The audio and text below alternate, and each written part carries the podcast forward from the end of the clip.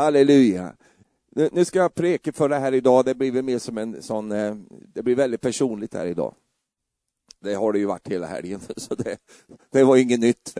Men eh, det blir lite, eh, jag blir alltid så känslosam när jag ska tala om det här som jag ska tala om idag. Och du kommer att förstå det också, så du får bara stå ut med det. Halleluja. Därför att Herren var på mig och säger Stefan, du måste preka om det här, du måste tala om det här. För det är så mangel på det i Guds menighet.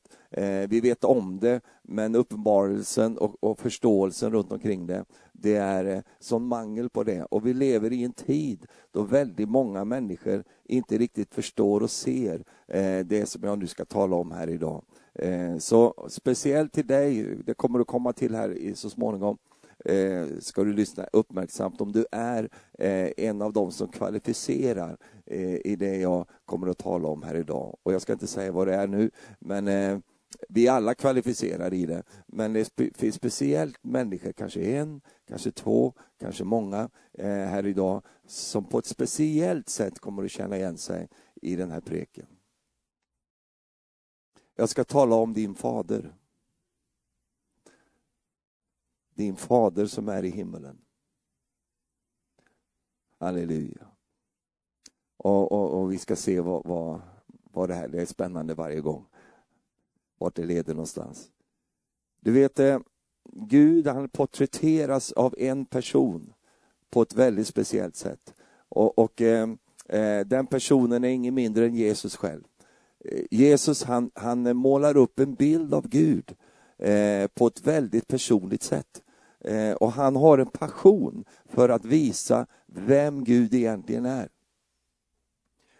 Annars hade han kunnat kommit och gjort sitt verk på Golgata eh, på en gång. Han hade kunnat gjort detta försoningsverk, men han gjorde inte det, utan han levde här i 33 år för att han hade en mission. Han hade ett uppdrag. Utöver det som är försoningen så hade han ett uppdrag. Han ville visa någonting. Han ville ställa fram någon. Han vill porträttera någon. Han vill måla målning. Han vill att vi skulle förstå någonting om Gud som människan inte förstod. Och det är att Gud är en god fader. Jesus pratar aldrig om Gud så som Gud, utan han talar om Gud så som Fadern. Endast två gånger så talar Jesus om Gud som Gud. Och det är när eh, den här rike ynglingen, eller den här farisén var det väl, är rike ynglingen, ja, spelar ingen roll, de är oftast rika de här fariséerna. men, men, men han, han, kom till dig och säger gode mästare, och då så säger Jesus, varför kallar du mig god? Ingen är god utom Gud alena. Det säger han Gud. Och den andra gången han kallar Gud för Gud, det är när han hänger på korset och säger Min Gud, min Gud, varför har du övergivit mig? För övrigt så talar inte Jesus om Gud så som Gud, utan han talar om Gud så som Fadern. Varför då? Han har en mission. Det är någonting han vill föra över. Det är någonting han vill säga till, till oss människor. Han vill förklara för oss vem Gud är. Att Gud är inte vilken Gud som helst. Religionerna, de porträtterar Gud som en Gud som är fjärn, som är, som är liksom svåråtkomlig, som är en maffiaboss, som är en, en sån här person som vi, vi måste smiska för och som vi ska vara rädda för och, och allt det där. Jesus kommer från Gud för att visa vem Gud är. Halleluja. I alla olika berättningar när han talar om Gud så för han fram den här tanken, det är vår fader som vi har i himmelen. Halleluja. Amen. Och han är inte vilken fader som helst, utan han är en god fader. Halleluja. Och det, det, verkar som om Jesus får ett motstånd när han håller på med det här. Och, och vi kan bara titta till exempel Eh, och ofta när han ska visa fram Fadern så är det runt det här temat bön. Va? När han talar om bön så, så, lyfter han fram det här, för att det är ju när vi ber som vi kommunicerar. Och när vi kommunicerar i bön så vill Jesus få oss att förstå, vi kommunicerar med Fadern. Amen.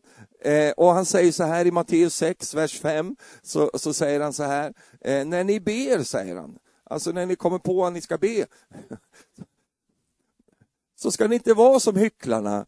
De älskar att stå och be i synagogorna och i gathörnen för att synas av människorna.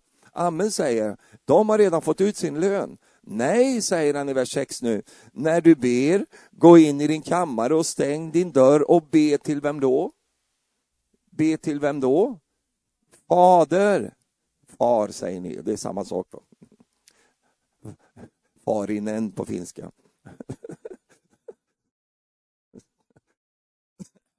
Så be till din fader i det fördolda. Då skall din vem?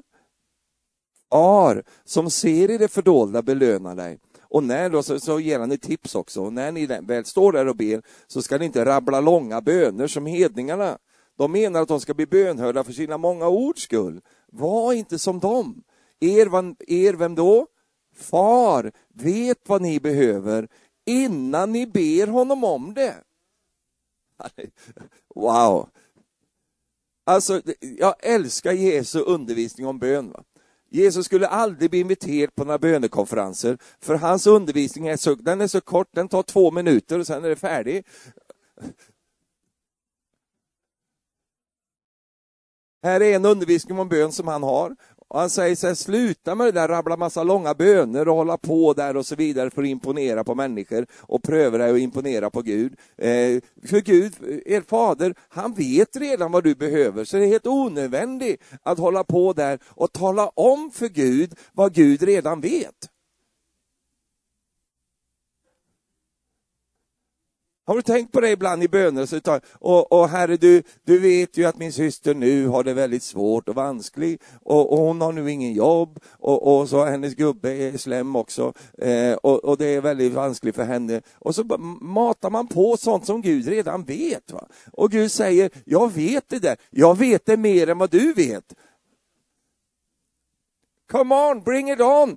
Ge mig, vad, vad önskar du? Jag vet vad du behöver, jag vill bara att du skulle säga, vad är det du behöver? Och, och, och då säger eh, vi, vi behöver inte göra det. Därför att det är så här, att när du ber till en fader, så är det annorledes än att du ber till en, en, en Gud som är lite fjärn, långt borta, som du inte känner. Men om du känner Fadern, så kommer ditt böneliv att påverkas av det. Åh, oh, tack Jesus. Amen. Var inte som dem, säger han. Er fader vet vad ni behöver innan ni ber honom om det. Och sen ger han en bön och då ett tips här. Så här kan ni bedja. Och så säger han så här i vers 9. Be så här, säger han. Fader vår. Och eh, en del säger, det är liksom inte dramatiskt det här. Man. Fader vår som är i himmelen Helgat blive ditt namn, kom med ditt rike, ske din vilja på jorden som den sker i himlen. Ge oss idag vårt bröd för dagen. Det är väldigt praktiskt, vet du. Och förlåt oss våra skulder så som vi förlåter dem som står i skuld till oss. Och för oss inte in i frestelse, utan fräls oss från den onde. Ty riket är ditt och makten och härligheten i evighet. Amen. Halleluja. Alltså det är en väldigt ganska kärnfull bön det här. Den är inte massa krumelurer runt den, utan den, den, den, är liksom inte smyckad med massa vackra, fagra ord, utan den är konkret. Den, den, den, den börjar i himlen, den går vidare på jorden, går tillbaks till himlen. Det är en bra bön det. Börja i himlen, kom ner på jorden och åk upp till himlen igen. Halleluja. Det är fantastiskt. Och, och så, så, så, talar han utifrån detta, eh, att eh, han börjar detta, så här ska ni be. Fader vår, halleluja. Kan du säga halleluja? Och det är honom vi talar om här idag, vår fader som är i himmelen. Jesus kom hit till jorden för att visa vem Fadern är. Det har jag redan sagt, men, men han, han, eh, han trycker fram det ännu mer. Eh, och eh, det står i Johannes 14, här, vers 7, så står det så här, om ni har lärt känna mig så ska ni också lära känna Fadern. Och härefter känner ni honom och har sett honom. Och då är det så skönt med han Filippus där. Filippus är ju han som är att lyset är på men ingen är hemma. Alltså, han har ju suttit och hört och varit hela tiden. Men så Filippus, han, han, han liksom är lite trögfattad. Eh, han, eh, det är ju liksom, han, är, eh, han är anfadern till svenskarna. Han är lite, han, han, liksom, han, han fattar inte det på en gång. Så här, eh, och, och, och jag vet inte vad han sitter och tänker på i det här när de är tillsammans. Vet jag, jag är ju predikant, jag är ju van med, med att kommunicera med människor och ibland undrar jag när jag prekar, vart är de någonstans? Va? De tittar på mig, men du vet att vi är ju ande, själ och kropp. Och en del verkar det som att de kommer hit, de sätter kroppen i stolen och sen går de. De är helt någon annanstans under hela preken. Va? De, har flytt, de, är, de är hemma någonstans och de byter däck på bilen och de, är, de funderar på vad ska jag göra imorgon och allt möjligt. Va? Och så sitter de och de har tränat upp kroppen. Vet du. Kyrk, kyrkfolk de är duktiga. Va? De har tränat upp den. Amen. De sitter så här och nickar lite grann och säger amen, halleluja. Men det är lite, det är lite farligt att vara sån där, för rätt för det så säger man amen på, fres, på fel ställe. va? Jag måste berätta en berättelse för dig. Är det okej okay att jag får lite tid här idag eller? Ja. Det blir det ändå. Så. Kommer ni ihåg den här eh, Lövekungen, alltså Lejonkungen på svenska? The Lion King. Kommer ni ihåg den filmen? Lövenes konge. Den, där, den är så... Och sitt inte där och säg att det är new age och såna grejer nu, va? men det, det är alltid så... Alltså en del kyrkfolk är ju så tråkiga också. Va? Så fort det kommer något som man tycker är lite kul, så nej, det där är, det är satanism, det där är liksom new age och det är allt möjligt. Och, så man ska slå sönder huvudet på dockor som ungarna har köpt för att det ligger något dolt meddelande i de där. Liksom något, ja, det är så mycket grejer. Jag orkar inte. Jag orkar inte med det. Stackars barn då, skulle fått en docka då liksom. Och det, det, här var ju några år sedan då. Det var någon som fick någon idé om att det där är, det, det, alltså, det är djävulen det där. Va? Jättesöt liten docka. Va? Där står ju då liksom de här nitiska föräldrarna slår sönder huvudet på de där dockorna. Liksom. Och den lilla ungen alltså. ja, du förstår, det är new age det där vet du. Men fyra år, de fattar inte vad new age är för de kan inte undervisa dem om det. Nej, nej. Det var någon som kom till mig och sa så här, nej, Simba där, vet du, det, är, det är new age det där. Ja, jag vet inte, jag fick ihop det på något sätt. Men hur som helst, då. jag tycker i alla fall om den. Jag tittar på den mass, massor av gånger. Jag tittar på mina, mina barn och mina barnbarn. Jag älskar den där filmen. För jag ser den som en bild på, på evangeliet. Va? Henning, du tittar på mig så.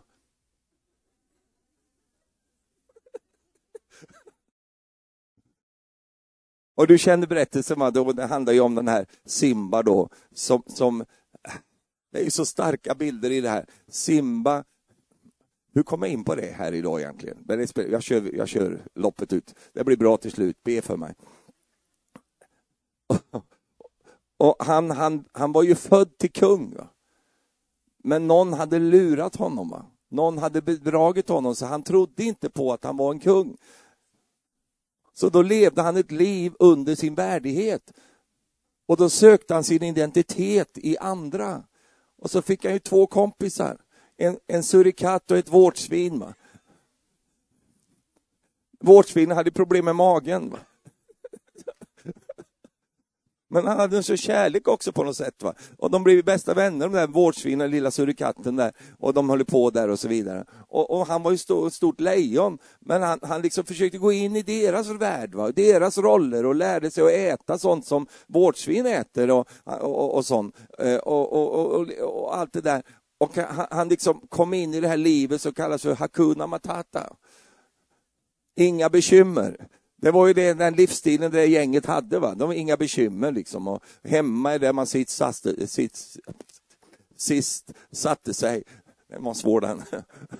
Och det är vi hemma för oss. Och de levde liksom i sådär, precis som ungdomar kan leva fritt och allt sådär. Eh, men samtidigt hade han någonting i sig som, som han kände att det måste finnas något mer, så han blev lite filosofisk och så. Så han gick ut och tittade på stjärnorna, alltså tittade och så där höll på. Eh, och, och de här vårdsvinarna bara skrattade åt honom när han blev lite djupare så eh, och ville ha tag på meningen, hänsikten med livet. Eh, och det, det här är ju evangeliet det här. I djurform. Och till slut då så kommer ju Gud. Va? Han kommer med en hälsning från honom, eh, till honom från Gud i, i form av den där profeten, apan. Va?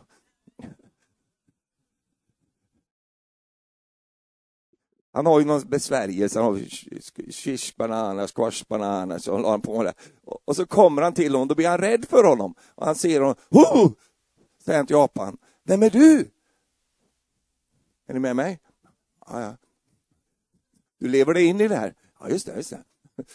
Vem är du? Och då säger apan så underbart, han säger så här, frågan är vem du är. that can preach.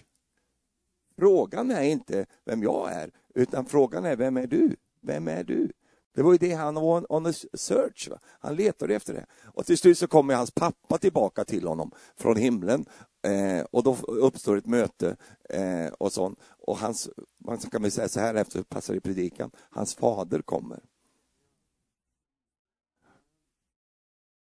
Och så, så möts de här i en, i en vision då på något sätt och så säger pappan till honom, Simba, säger du är mer än vad du har blivit. Du måste bli det du redan är. Vet du vad det är för någonting? Det är definitionen på helgelse. Helgelse handlar om att jag blir det jag redan är. Det här höll jag på med då, eh, och, och det, när den där filmen var populär. höll jag på. Då hade jag en lördagsbibelskola i, i, i Sverige, nere i Småland någonstans. Inte så långt bort ifrån det Emil, Katthult och allt det här. Där, där hade vi en bibelskola, i Mariannelund. Doktorn i Mariannelund, där hade vi bibelskola. Och då när vi hade den där, då var det en äldre dam där, Nancy hette hon. Och, och, hon var ju jättegammal då, va? och nu är hon hemma hos Herren. Eh, så hon var ju närmare 90 år. Och hon satt ju där, vet hon hade ju aldrig sett simma och så här, visste inte vad jag pratade om där. Så då, då, när jag la ut det, precis som jag gjorde för dig nu, och när jag kom då till den här punkten då, och då hade hon ju suttit där, hon hade ju inte, hon hade säkert inte fattat någonting av vad jag höll på med. Så när jag kom då där, då, då, då var jag lite så här, och säger jag så här, då kommer fadern från himlen och säger Simba. Och då när jag sa det var Simba, då började jag oh, Orabasha kabala shandal och, och så bara... Så, då var hon helt i gasen, vet du. Halleluja. Underbart, tack Jesus. Ja, det är väl härligt. Men hur som helst, då, så, fadern då, han, han, han, han vill att vi ska förstå vem, vem han är. Va? Det är liksom en passion som Jesus har. Och, eh, är det dina? Mina ligger här. Amen. Och, och, och, då kommer han för att visa upp det. Eh, och, och, visa, det här är Jesus. Och det är just det här med att inte fatta någonting. När Filippus då, han säger, han har suttit med på hela mötet. Va? Men, men, och då när, han, när Jesus har sagt allt det här, då säger Jesus till, äh, Filippus säger till Jesus här, eh, Jesus, kan vi få se Fadern? Då tyckte han att han hade ställt en fin fråga där. Va?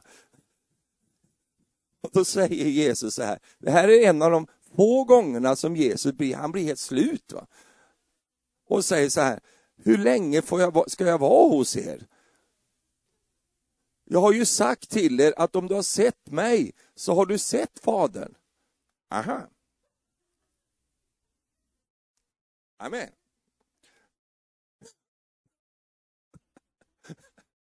Den som har sett mig har sett Fadern. Och det säger mig det här, att en gång jag kommer till himmelen, om jag har mött Jesus här nere på jorden, så kommer jag inte bli förvånad när jag möter Fadern. Därför att Fadern och Jesus är ett. Fadern och Jesus, de är, de är ett i ord, sanning, de är ett i, i hjärtan och allting. Det är två olika personer, men de är ett. Så har jag sett Jesus, så har jag också sett Fadern. Så om Jesus är god, vad tror du Fadern är då?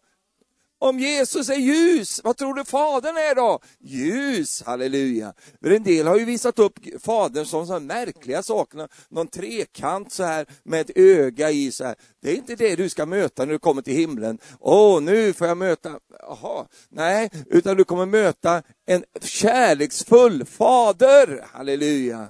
Kan du säga det? Amen. Halleluja. Nej, Fadern vet du. Åh, det var Jesu passion. Om jag bara kunde få visa er vem Fadern är.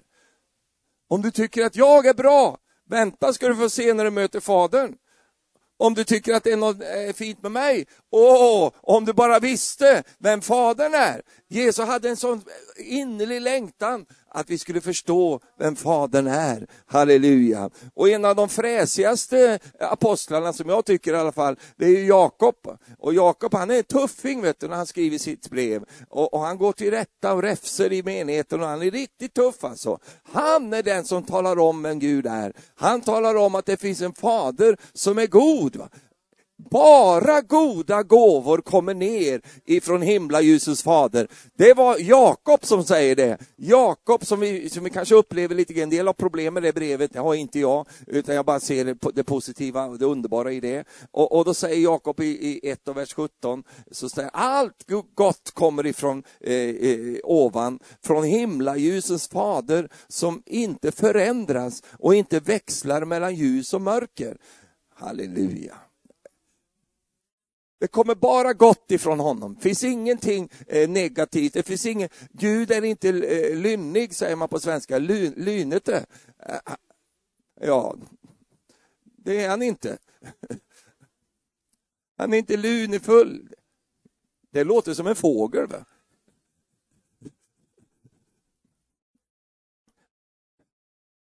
Han är, inte så, han är inte på ett sätt en dag och ett annat sätt en annan dag. Han är inte uppe en dag och nere en. Han är inte bipolär förstår du, utan han är på ett sätt hela tiden.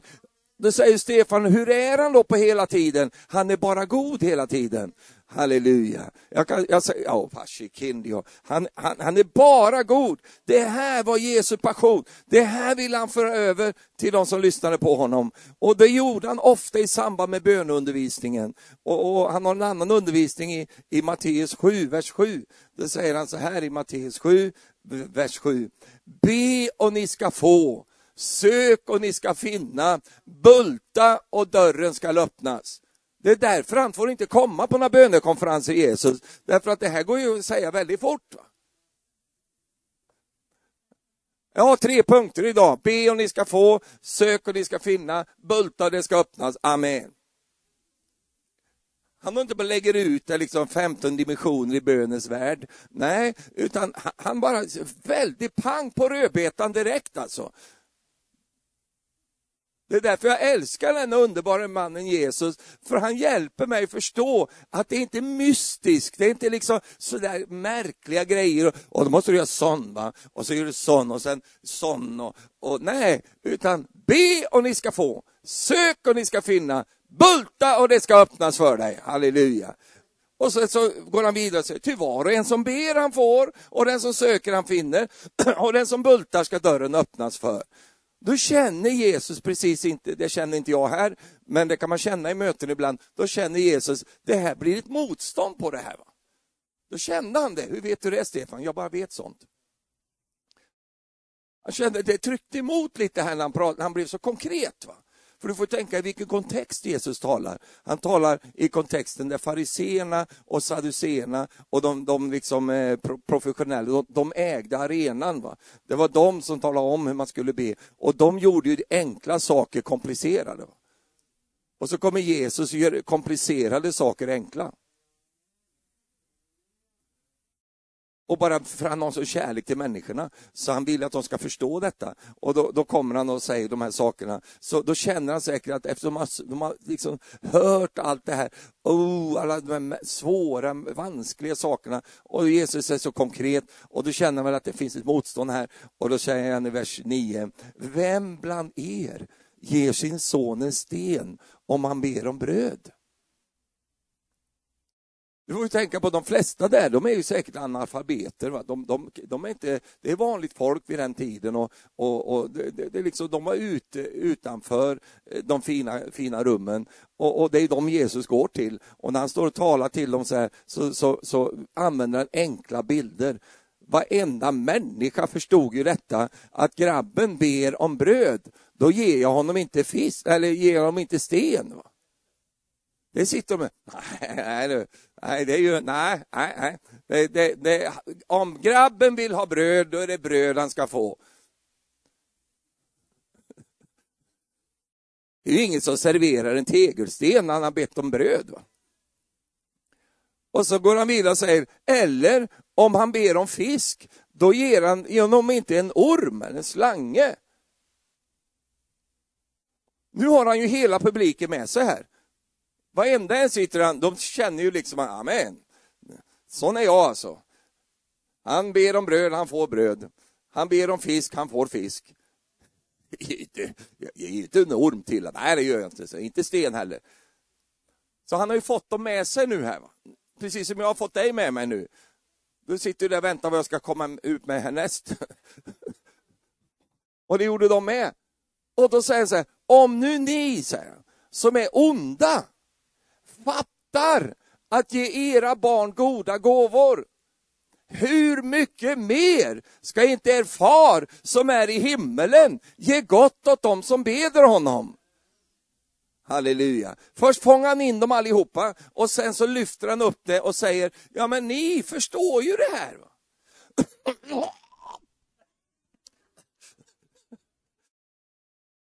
Svalde det där.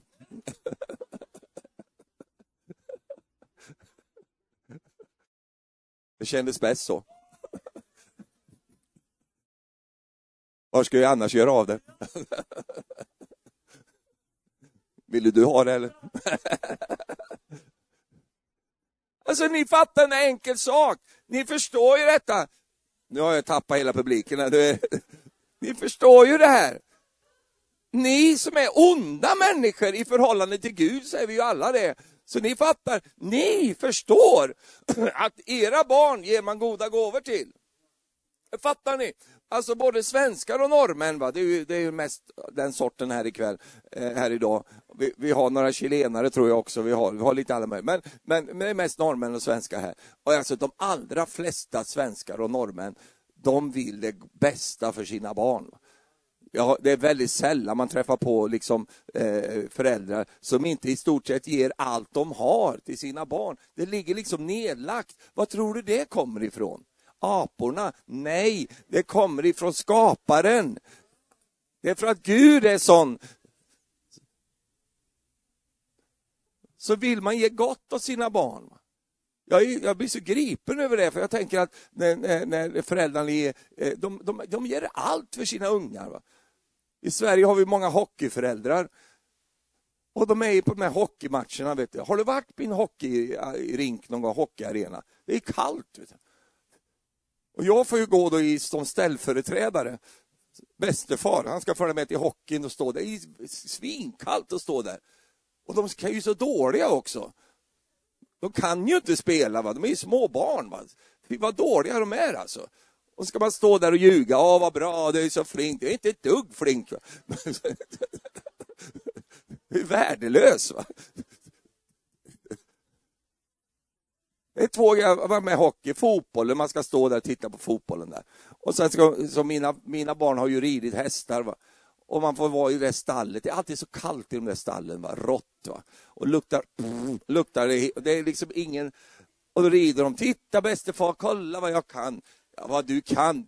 Hästen är ju, han är ju döende. Han, är, han går ju bara så här.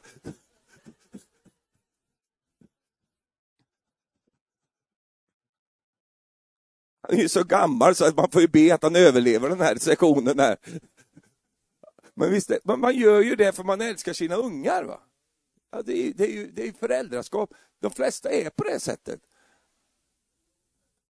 Halleluja. Sen finns det ju en del annorledes som inte är sådana, va? och det, vi kommer till det. Men, men, eh, men Jesus ville visa fram detta och han var så mån om att de skulle fatta vem Gud är. Varför då? Därför att hela liksom, systemet, hela eh, kontexten, där var ju eh, människorna rädda för Gud. Va? Och Det var precis det här som, som eh, pastor Runa var inne på, att liksom, man hade en bild av Gud som inte stämde med Gud.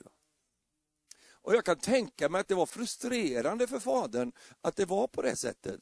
Att det, eh, så frustrerar sig Jesus du behöver gå ner och försona världen med mig. Du, du, måste göra det. Vill du det? Ja, men det gör jag. Kan, kan, du, kan, du, kan du göra något mer för mig också? Ja, vad då, då? Kan du visa dem vem jag är? Och då tränger du lite tid för det. Så du, du får vara lite längre. Jag vet att, det, att vara för dig att vara på jorden, det är ju ett enda stort lidande. Det är, det är ju liksom eh, med, med tanke på vad du har här hos mig. Så, så jag, jag känner den, att du skulle helst bara vilja gå ner och snabbt göra ditt verk och komma tillbaka till mig. Jag, jag känner den. Men du vet, jag har, jag har en sån nöd, jag har en sån längsel. Det är att människorna ska förstå vem jag är. Så kan du tillbringa lite mer tid när du är här nere och förklara förklara för dem. Visa gärna också med ditt liv och med ditt sätt att vara på, därför att du återspeglar mig.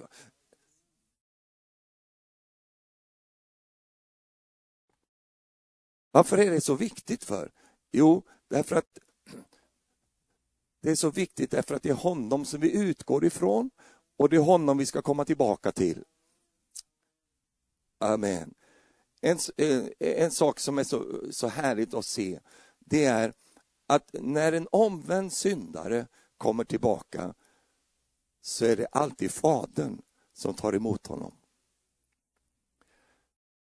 Det är väldigt viktigt för Fadern att vara den första som tar emot honom. Ni barn, ni har lärt känna, vem då? Fadern. Det är ju tre, tre stadier här. Ni barn lär känna Fadern, för era synder är förlåtna. Ni unga, unga ni har lärt känna den starke, för Gud är stark också. Guds ord förblir er och, Guds ord, och ni är starka. Och det tredje, ni fäder, ni har lärt känna han som är från begynnelsen. Men det börjar inte med det, utan det börjar med att jag lär känna Fadern. Det är vägen till fortsättningen. Det är själva dörren in till resten av resan tillsammans med Gud. Och jag tänker på den förlorade sonen som, som kom tillbaka till fadershuset. Skål! Ah.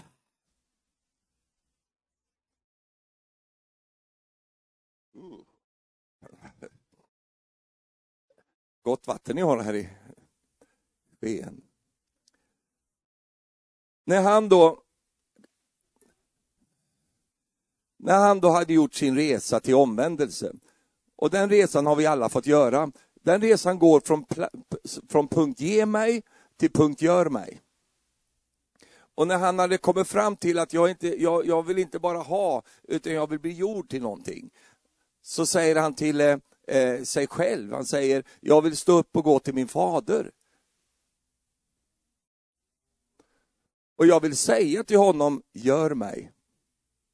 Jag vill bli som, jag vill bli som dig.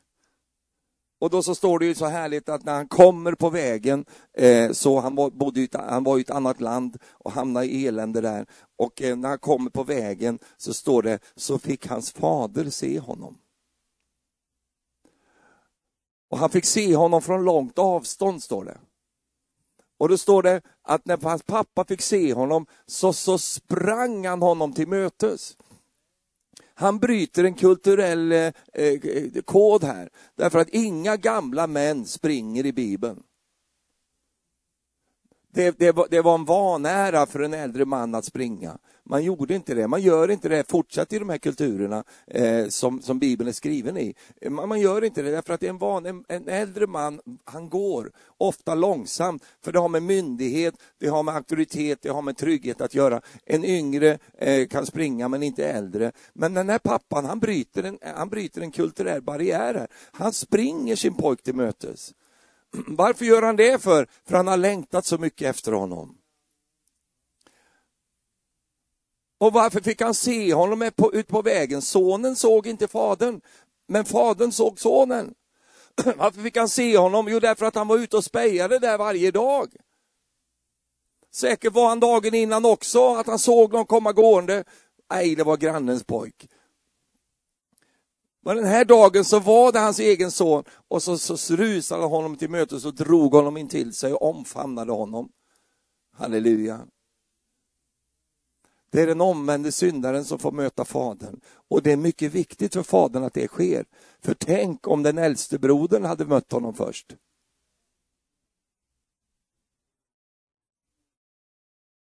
Du vet, det är viktigt vem du får möta först. Tänk om den äldre brodern hade mött sin brorsa. Då hade ju brorsan fått alla sina fördomar uppfyllda och sagt, ja men det var det jag visste, jag är inte välkommen här. Det är ingen idé för mig, jag, det är kört för mig. Det hade den äldre brodern talat om för honom. Men nu var det fadern som mötte honom. Jag sa det var fadern som mötte honom. Och du vet att fadern har en speciell relation till sina barn. Syskon kan ha en speciell relation till sina syskon. Och de kan vara väldigt missunderliga. Och de kan vara väldigt elaka, slämmer mot varandra faktiskt. Men det är någonting med föräldraskap och en faders kärlek, det är att han älskar alla sina barn lika mycket. Du måste förstå att han älskade den äldre sonen lika mycket som han älskade den yngre. För han talar till dem som söner. Han säger till den äldre som var så sur och, och allt detta för han tyckte att han hade eh, blivit eh, förfördelad. Då säger han så här till honom, min son, säger han, du är ju alltid hos mig och allt mitt är ditt. Halleluja. Amen. Du vet, det är så här att det är många som sliter med gudsbilden. De sliter med gudsbilden. Varför då? Därför att de sliter med fadersbilden.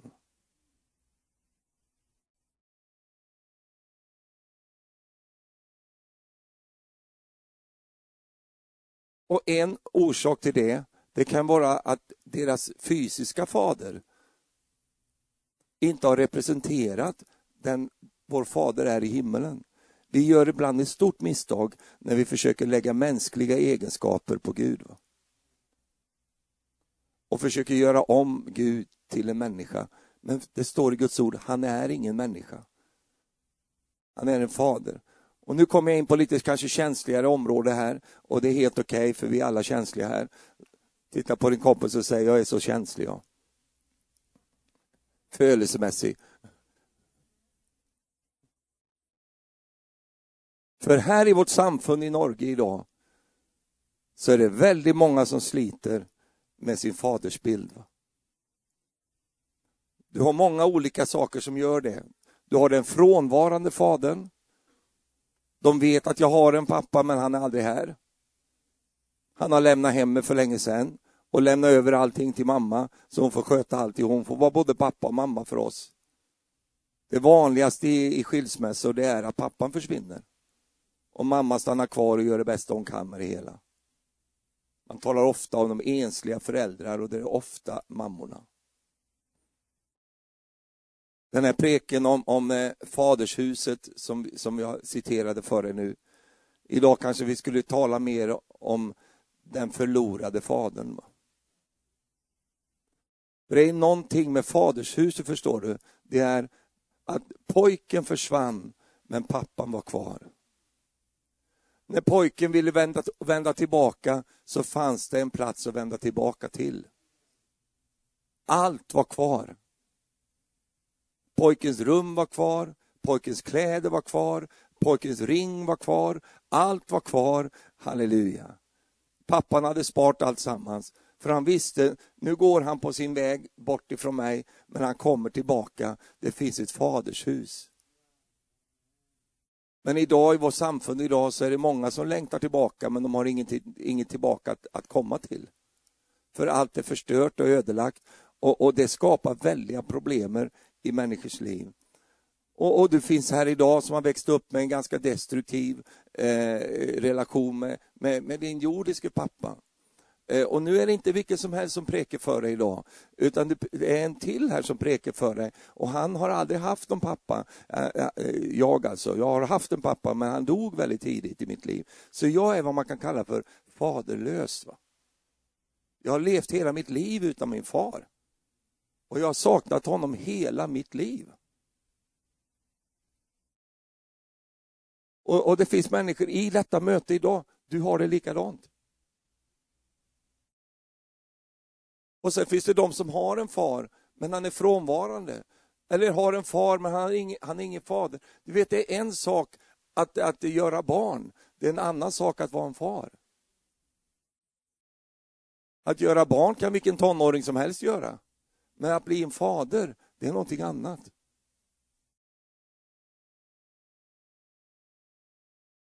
Och, och, förstå mig rätt nu, jag vill inte att ni som är fäder ska sitta och tänka på er själva nu. För jag pratar inte om dig. Utan jag pratar om, om, om, eh, om, om företeelsen. Därför att det är någonting med en fadersbild och en fadersrelation. När den inte fungerar, om man sliter med den, då sliter man med trygghetsfaktorn. Alltså den, den, den inneboende tryggheten som finns i att jag vet, jag har i alla fall min far. Han är där. Va? Man sliter med bekräftelse. Därför att det är fadern som bekräftar mig. Det gör mamman också, men idag predikar jag om fadern. Han är också den som är med och eh, ger mig och hjälper mig att skapa min självbild. Det är därför som barnen, de härmar ju sina föräldrar. Och det blir så, det blir så, my, eh, så gulligt när de håller på, de går i, i, i pappas skor och, och jag, jag, mina barn gjorde det, dina gjorde det också. Du ser ännu mer på dina barnbarn för då har du lite distans. För när du hade dina egna barn då var du fullt upptagen hela tiden. Men barnbarnen har du lite distans och då kan du njuta mer utav det. Och jag ser på mina barnbarn vet du, hur de härmar sin mamma. Vet du. De, de liksom står. Så. Sen har jag ett, en, en gutt också. Eh, jag har flera guttar som är barnbarn. Och en han är så rolig för han har ju lärt sig de här poserna va? som de äldre har, de här hållningarna som de har. Så han kan ställa sig så här, han är ju bara ett och ett halvt år. För det gör hans pappa. Det ligger nedlagt i barnen. Man, och varför då? Jo, därför att det är med och danar självbilden. Va? Den bilden som allting bygger runt sig. En del har väldigt bra självförtroende, men det är någonting annat. En självbild, det är den du, du, du bär med dig inombords. Va? Självförtroendet handlar om vad du kan utföra, vad du kan göra och att du kan vara flink. En del kompenserar en dålig självbild med ett bra självförtroende. Men Gud vill att du ska ha både och. Och sen har du det där med närvaron, att du alltid vet, det finns en far i huset. Va? Allt det här står Gud för. Det här är vad, vad Fadern gör i himlen. Kan jag få ge dig... Är ni trötta? Vad bra. Jag är ganska trött. Sju karaktärsträck som kännetecknar vår Fader i himmelen. Sju stycken. Jag ska ta dem snabbt. Nummer ett, han är alltid likadan. Det är det jag säger till dig, pastor Runa. Nu, nu kommer folk, när du har fått det här nya håret där som du har skrivit, som Herren har gett till dig, så har han ju faktiskt gjort genom människor. Men, men, eh, så. Och som du kommer att ha det här efter ett tag, eh, en längre tid. Nu vet jag inte hur länge du kommer. Du är helt fri, gör vad du vill med ditt, med ditt huvud. men du kommer ha det ett tag. Eh, och, så. och då kommer folk börja vänja sig med detta. Så om du då får för dig om, om något år eller några år, jag tar bort det här. Då kommer de säga, nej! Varför gör du det? Det är säkert någon som har sagt det motsatt här. Nej, du ska inte se ut så där. Du ska se ut så här. Och varför är det så? För folk gillar inte förändring. Jag har ju bart, va? jag har ju haft det, jag föddes på det här sättet. Jag kom ut så här. Så jag har alltid haft det så länge jag haft skäggväxt. Men så fick jag någon, någon sån där löjlig kris eh, som, som en del gubbar kan få. Så jag tänkte jag ska ta bort det där nu. Så då gjorde jag det, tog jag bort det. Och mina barn, vet du. De fick en sån kris. Så speciellt min yngsta dotter, hon sa så här, pappa, du, du, gå bort från mig. Kom, kom inte hit, du, det, är, det är någon annan. Va? Du, de hade jättejobbigt, så jag fick, var tvungen att ta tillbaka det här. Och vet jag fick såna, för jag har ju varit ungdomspastor också i många år, eh, och så, jag fick såna här mejl, vet du. De skrev, skrev så här till mig. Vad har du gjort? Jag har ju växt upp med den där mustaschen. Och det var en som skrev det så fantastiskt morro. Man skrev så här, jag har ju växt upp, det är ju hela min identitet. och vet du vad hon sa sen? Skrev sen, vem är jag nu? Om inte den mustaschen är där, vem är jag då? Och det var ju så gulligt och allt det där. Va? Men det där, det där talar om någonting. Det, det är så att vi alla behöver eh, en, en plats som inte ändrar på sig. Och det ska ju inte vara jag, utan det är ju Fadern som är sån. Va? Han är likadan, halleluja. Han är alltid likadan. I en värld där allting ändrar sig hela tiden så har vi en plats som alltid är på samma sätt. Halleluja, är inte det underbart att veta det? Halleluja, det är så fantastiskt. Han är alltid likadan. Amen. Och sen en annan, eh, annan sak om, om, om honom, det är att eh, han, här, han tävlar aldrig med dig. Jag blir så ledsen när jag ser föräldrar som tävlar med sina barn. Så barnet kom hem, ja jag har sprungit 200 meter idag. Ingenting, jag har sprungit 500. Titta pappa vad jag kan göra, jag, jag, jag har bytt däck på bilen. bytt däck? Jag har bytt motorn. Och det finns faktiskt sådana företeelser att man tävlar med barna. Och det ska vi aldrig göra. Vet du vad? Fadern tävlar inte med dig. En som är så skön sak med Fadern är att han är färdig med sig själv. Han behöver inte bevisa någonting eller sådär, utan han är färdig med sig själv. Han behöver inte, så han har väldigt mycket till övers för andra. Så han säger bara, halleluja, underbart. Paulus varnar ju för detta, han säger så här, ni fäder, reta inte upp era barn så att de tappar modet. Utan vi är där för att stärka dem, vi är där för att ge dem eh, det de behöver för deras liv. Halleluja. Nummer tre, han glädjer sig över din framgång. Det kan jag tala om för dig, det är inte alla som gör det. Nu är du så tyst, jag blir rädd. Han blir glad när det går bra för dig. Jag har en fantastisk preken om framgång.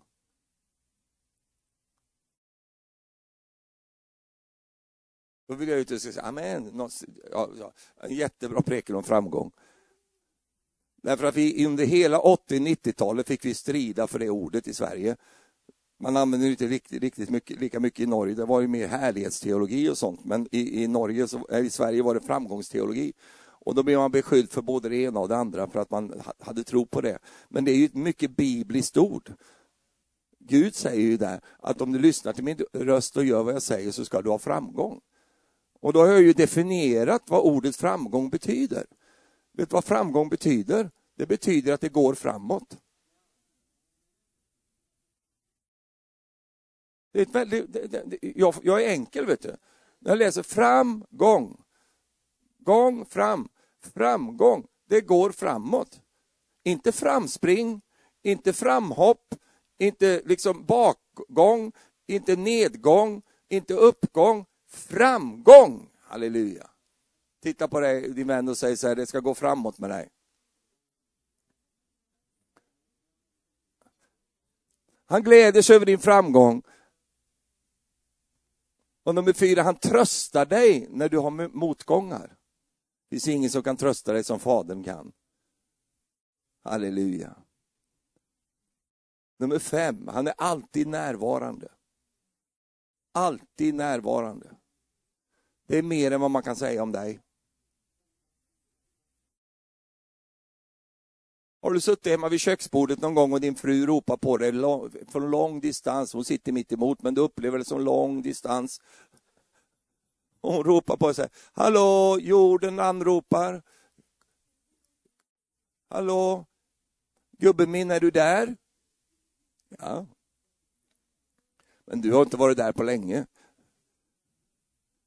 Män kan bli väldigt bekymrade för saker och ting. I alla fall i vår familj. Marie hon är aldrig bekymrad, hon är jätteglad. Va? Så springer runt. Jag kan vara bekymrad för allt möjligt. Va? Och gå och och pannan i djupa veck. Och så säger Marie, hur är det gubben min? Ja, en svår tid. Det är mycket nu. Det tar på det här. Vad tänker du på då gubben min? Inget.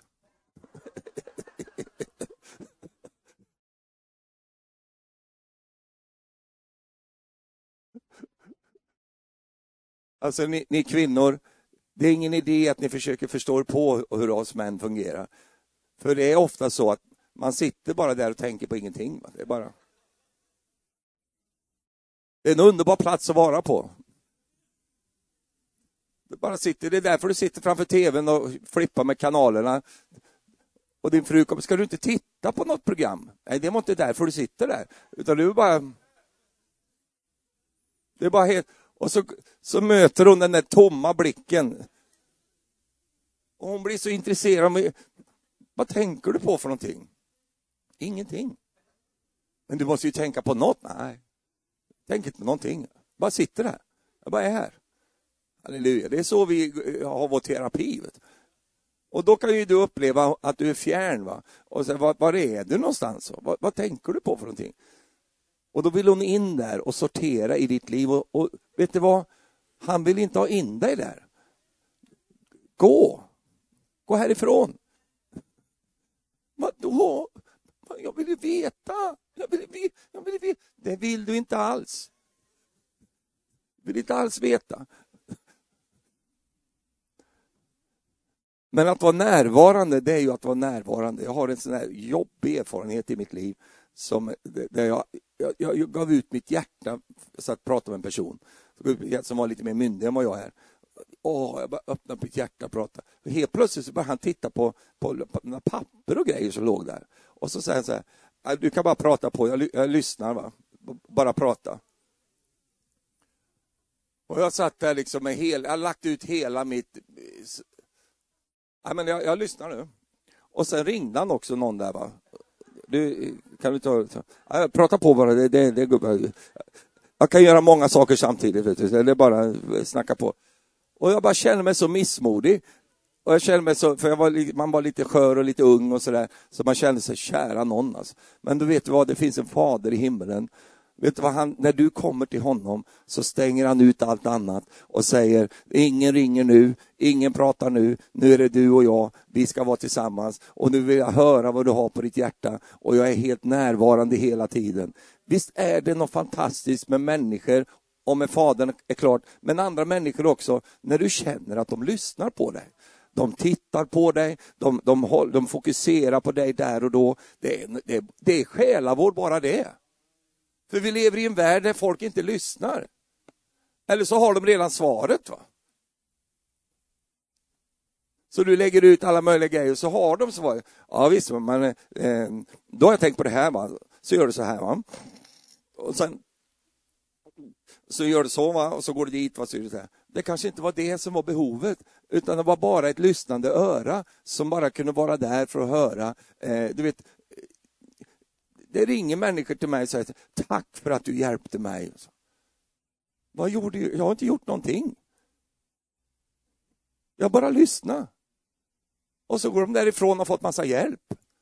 Därför att det är ju någonting när du har ett lyssnande öra, dina ord studsar tillbaka till dig själv genom ett kärleksfullt lyssnande. Så, så, så på något sätt så skapar du själv förståelsen vad du ska göra för någonting. Halleluja. Fadern är på det sättet. Och om du undrar varför han är tyst, det är för att han lyssnar. Jaha.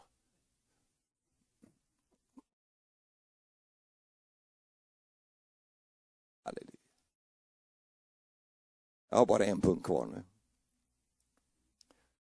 Och nu vill jag ta den sista, sista stunden här tillsammans med dig. Det är att tala till dig som är faderlös va? och som inte har allt det jag pratar om, käre gode Gud, tänk om man hade haft det på det sättet.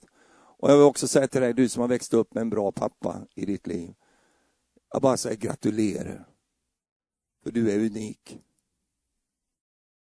Grattis säger jag. För du har fått väldigt mycket med dig av farten.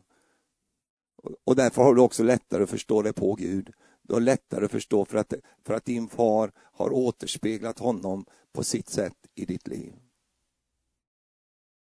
Men till dig som inte har haft det och till dig som, som har haft kanske en destruktiv eh, fadersrelation eller fadersbild så vill jag bara säga så här till dig. Gud har ett speciellt öga till dig. Det står så här i psalm 68, vers 6. Det står så här, Gud i sin heliga boning är de faderlösas fader.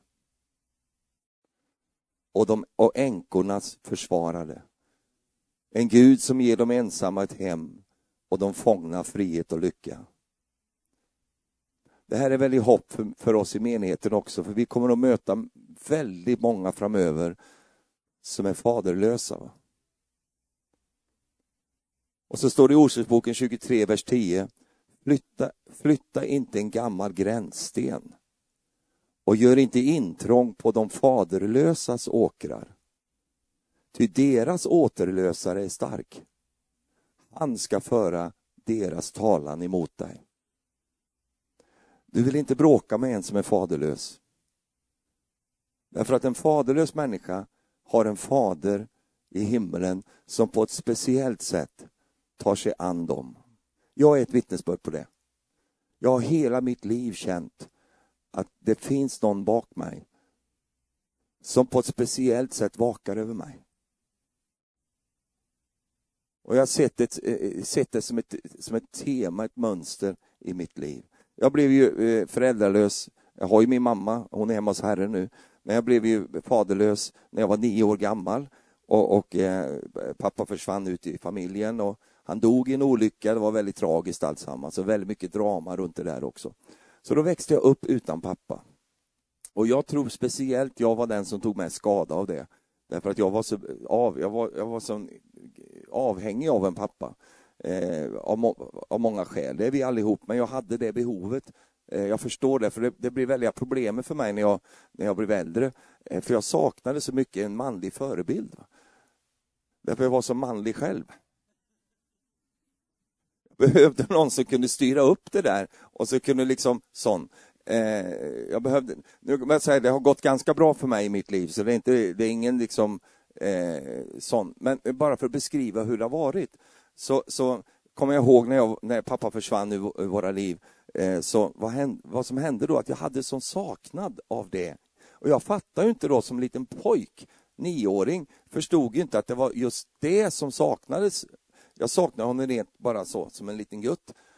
Så jag kunde gå fram till äldre män som jag, jag, jag, tittade på dem så här ungefär, de här är ungefär lika gamla som pappa. Så jag gick fram och ställde mig där jämte dem, för, för jag, jag ville lukta på dem.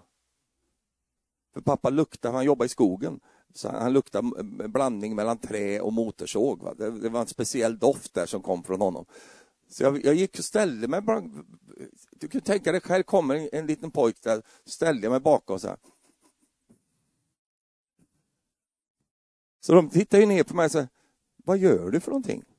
Och då kunde jag inte svara, jag förstod inte vad jag höll på med själv egentligen. Så jag bara stod där. Och sen jag kommer ihåg när jag spelade fotboll, jag var rätt duktig på fotboll, spelade fotboll och alla andra hade sina pappor som skjutsade ner dem till fotbollen. Men jag hade ju inte det så jag fick ju gå. Va? Eh, så jag kom, eller cyklade, så kom jag dit, jag var alltid själv där. Och, och så när jag kom dit så, så, så fanns det en man där, han var materialare kallar man det för, tog hand om alla kläder och sånt där. Och han heter Lindgren. Ingen visste vad han hette i förnamn. Lindgren. Och, och han, han, var lite speciell, men han hade jobbat ihop med min pappa. Så, så han var lite speciell, han bodde för sig själv och sådär. Eh, och sånt. Men, men, han såg väl den här lille Stefan som kom där och skulle spela fotboll. Det var ingen som tog hand om honom och, och sånt. Så, men han var lite så asocial också. Han var inte som, som eh, flink på det pedagogiskt och så. Men han såg ju det problem, utmaningen jag hade. Så han kom till mig ofta och sa, har du ingen att åka med? Så. Nej. Ja, men du åk med mig då. Så fick jag hoppa in i hans Volvo PV Duett. Ni som är gamla, ni vet vad det här var för bilar. För jag sitta där va. Och så körde han. Och så, är du hungrig? Ja. Vill du ha lite korv? Lite pölse? Ja. Och sen då åkte vi till, till kiosken och så köpte pölse då. Och då köpte han en sån här kokkorv, sån här som snäpper när man... Sån. Med senap och papper. Alltså in, ingen bröd va. Utan bara pappret va. Han var lite snål va. Så, så, så stod jag, glömmer ju aldrig det här va. Så stod jag där och åt korv med papper och lite senap där. Stod jag och så Lindgren och jag. Och Lindgren käkade sin korv och jag käkade sin. Han sa ingenting. Han bara stod där. Va? Och jag åt min korv där. Va? Vill du ha en till? Ja. Så fick jag en korv till. Så fick han ett speciellt öga för mig. Va? Så varenda gång då kollade han där om jag var där. Har du ingen att åka med? Nej. Ja, men vi åker med mig då. Och så körde han hem mig då. Och alltid förbi kiosken där med korv och papper. Va?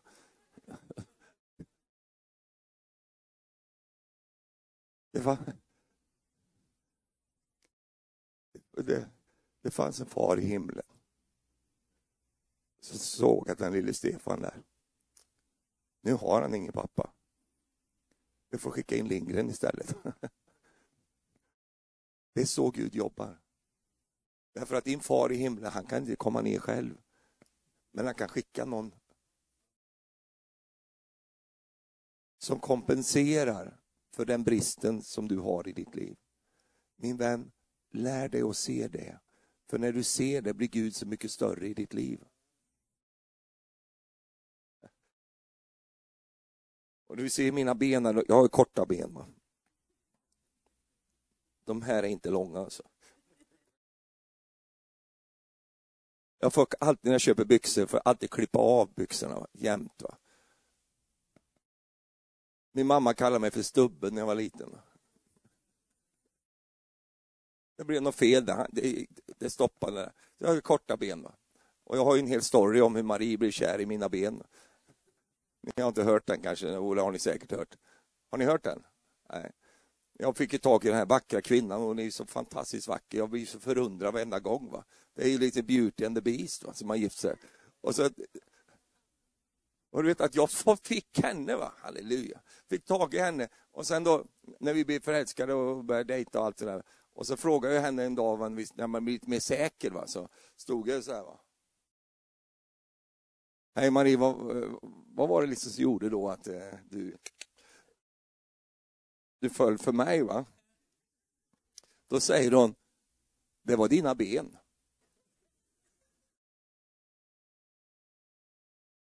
Mina ben? Alltså, jag, när jag var liten, jag hatade de här benen när jag var liten. Va? Därför att jag hade en kompis som hette Ruben, han hade den här gigantiska ben, han såg ut som en älg när han kom och gick. Va? Han tog ett steg och jag tog fyra. Va? På, vi hamnade på samma plats. Och då så säger hon så, så sött, va? säger hon så här, jo men du förstår att när jag var liten så hade, tyckte jag att jag hade så långa ben. Så. Marie tyckte det. Alltså långa ben. Så jag bad till Gud. Va? Åh Gud, ge mig en man som har korta ben. Så att, min, så att min, våra barn får lagom ben. Va?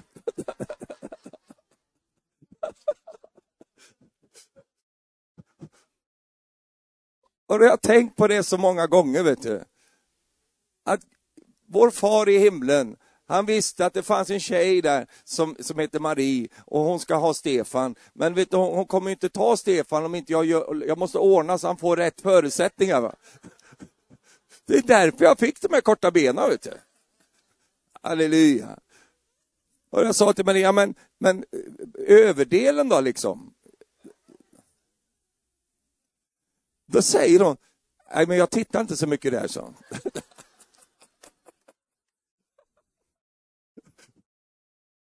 Och det ska väl jag vara väldigt glad för att hon inte gjorde. Och då hade de där små stubbarna som jag satt med och spelade fotboll då, va? då kommer Lindgren och säger så här, är det någon som har smort in dig? För att det var väldigt poppigt, eh, trendigt på den tiden, man skulle smörja in med liniment. Va? Sån här masol heter det. Vet du vad det är för något? Tigersalva och grejer. Ja, med sån balsam. Det var ju bara en trend va, som var där. Men alla papporna hade ju med sig sin och så smörjde upp sina pojkar där, va, med liniment. Och skulle vara, precis som det skulle hjälpa dem. Men, men, men det var så i alla fall. Och då kom ju Lingorna. Har de smort in dig? Nej. Fram med benen då. Och så tog, han var ju skogshuggare, va? så tog han den här flaskan. Det bara, det bara, det bara rann ner så här på benen. Och så tog han sina kraftiga och, och, och tryckte på där. Jag hade ju så ont när jag gick där.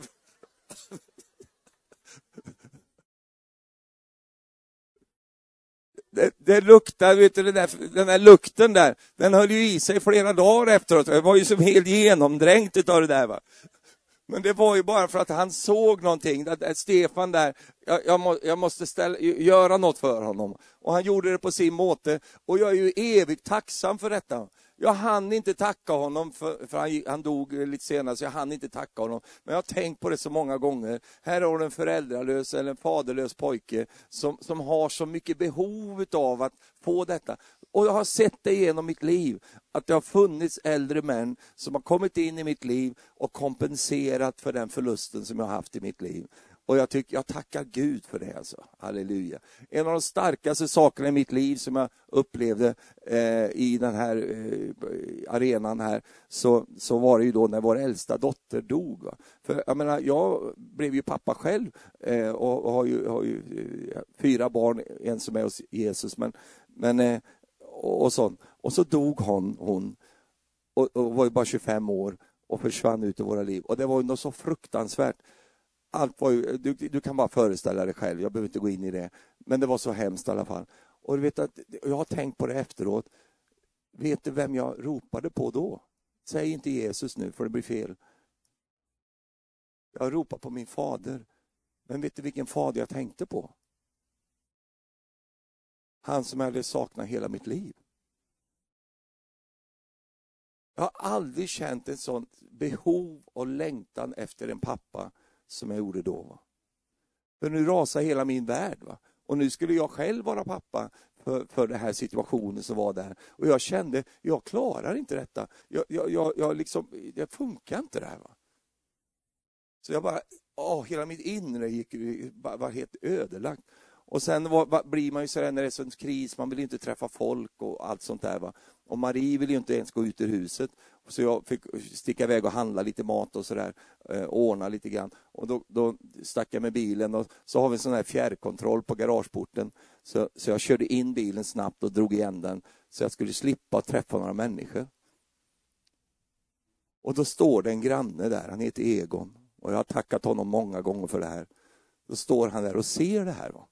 Och Egon var en frälst broder som var något yngre än vad min far skulle varit eh, och ganska mycket yngre.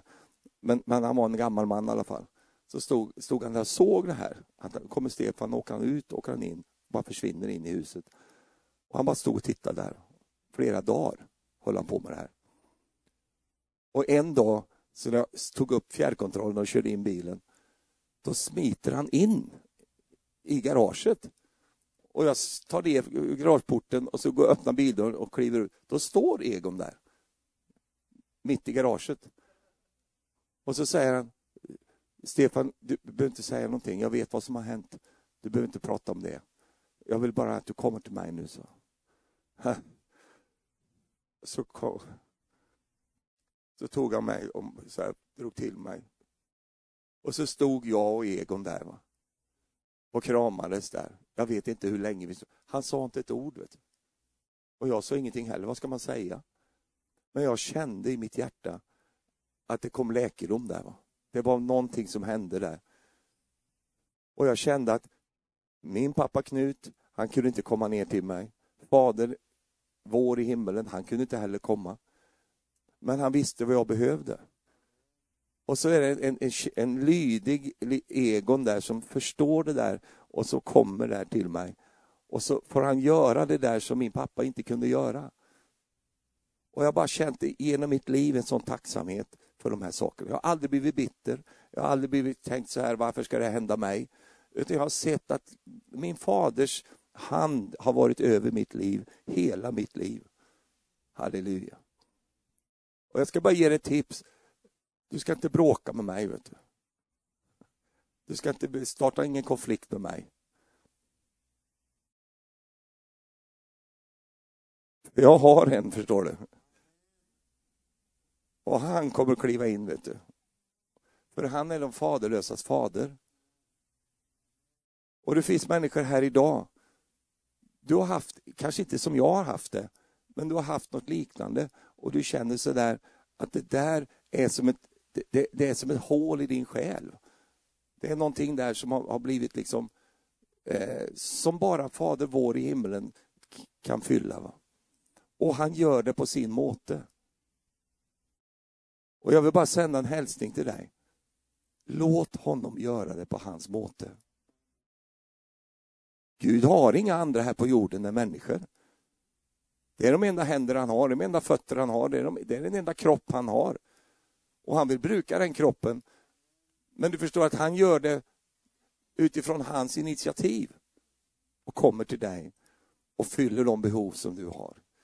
Du vet att om inte Gud hade gjort det med mig så hade jag säkert blivit kriminell. Va? Jag hade säkert varit en av de där som hade ställt till det väldigt mycket i samfundet. Eh, därför att det, det, det, kan skada en människa väldigt mycket om man inte får det här tillgodosett. Men nu fick jag det. Halleluja. Och inte bara det. Sen blev jag ju frälst också och tog emot Herren och, och, och började leva med honom.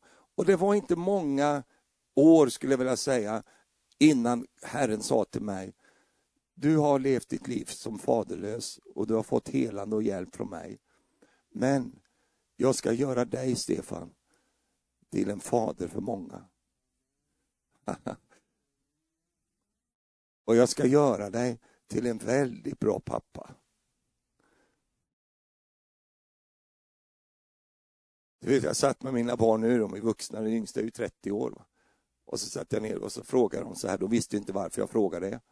De frågade så här, vad tycker ni om eran pappa? Alltså? Vi har aldrig kunnat haft en bättre pappa.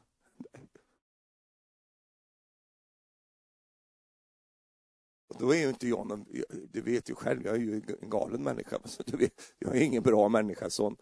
Men jag ser ju detta, det jag inte fick när jag växte upp, det har mina barn fått. Och sen har ju barnbarn också. Och du vet att nu, nu börjar de, vet de att jag ska komma hem i, i, i, idag. Då börjar de ringa mig. Morfar, när kommer du? Kommer du snart? Där? När kommer du? Du måste komma till mig först. Så jag måste alltid ta en runda till mina barn för att eh, liksom samla upp våra barnbarn. För de vill att deras morfar ska vara där. Allt det där som jag inte fick, det har de fått. Då säger du, men varför fick inte du det? Nej, men jag, är, jag har frid med det. Utan du ser ju glädjen i, och du vet, jag kan på ett ännu kanske starkare sätt förstå de här sakerna, för jag vet ju vad det betyder att inte ha det. Halleluja. Finns du här ikväll, eller idag, du har upplevt det så, du, du känner att Stefan, du talar till mig idag.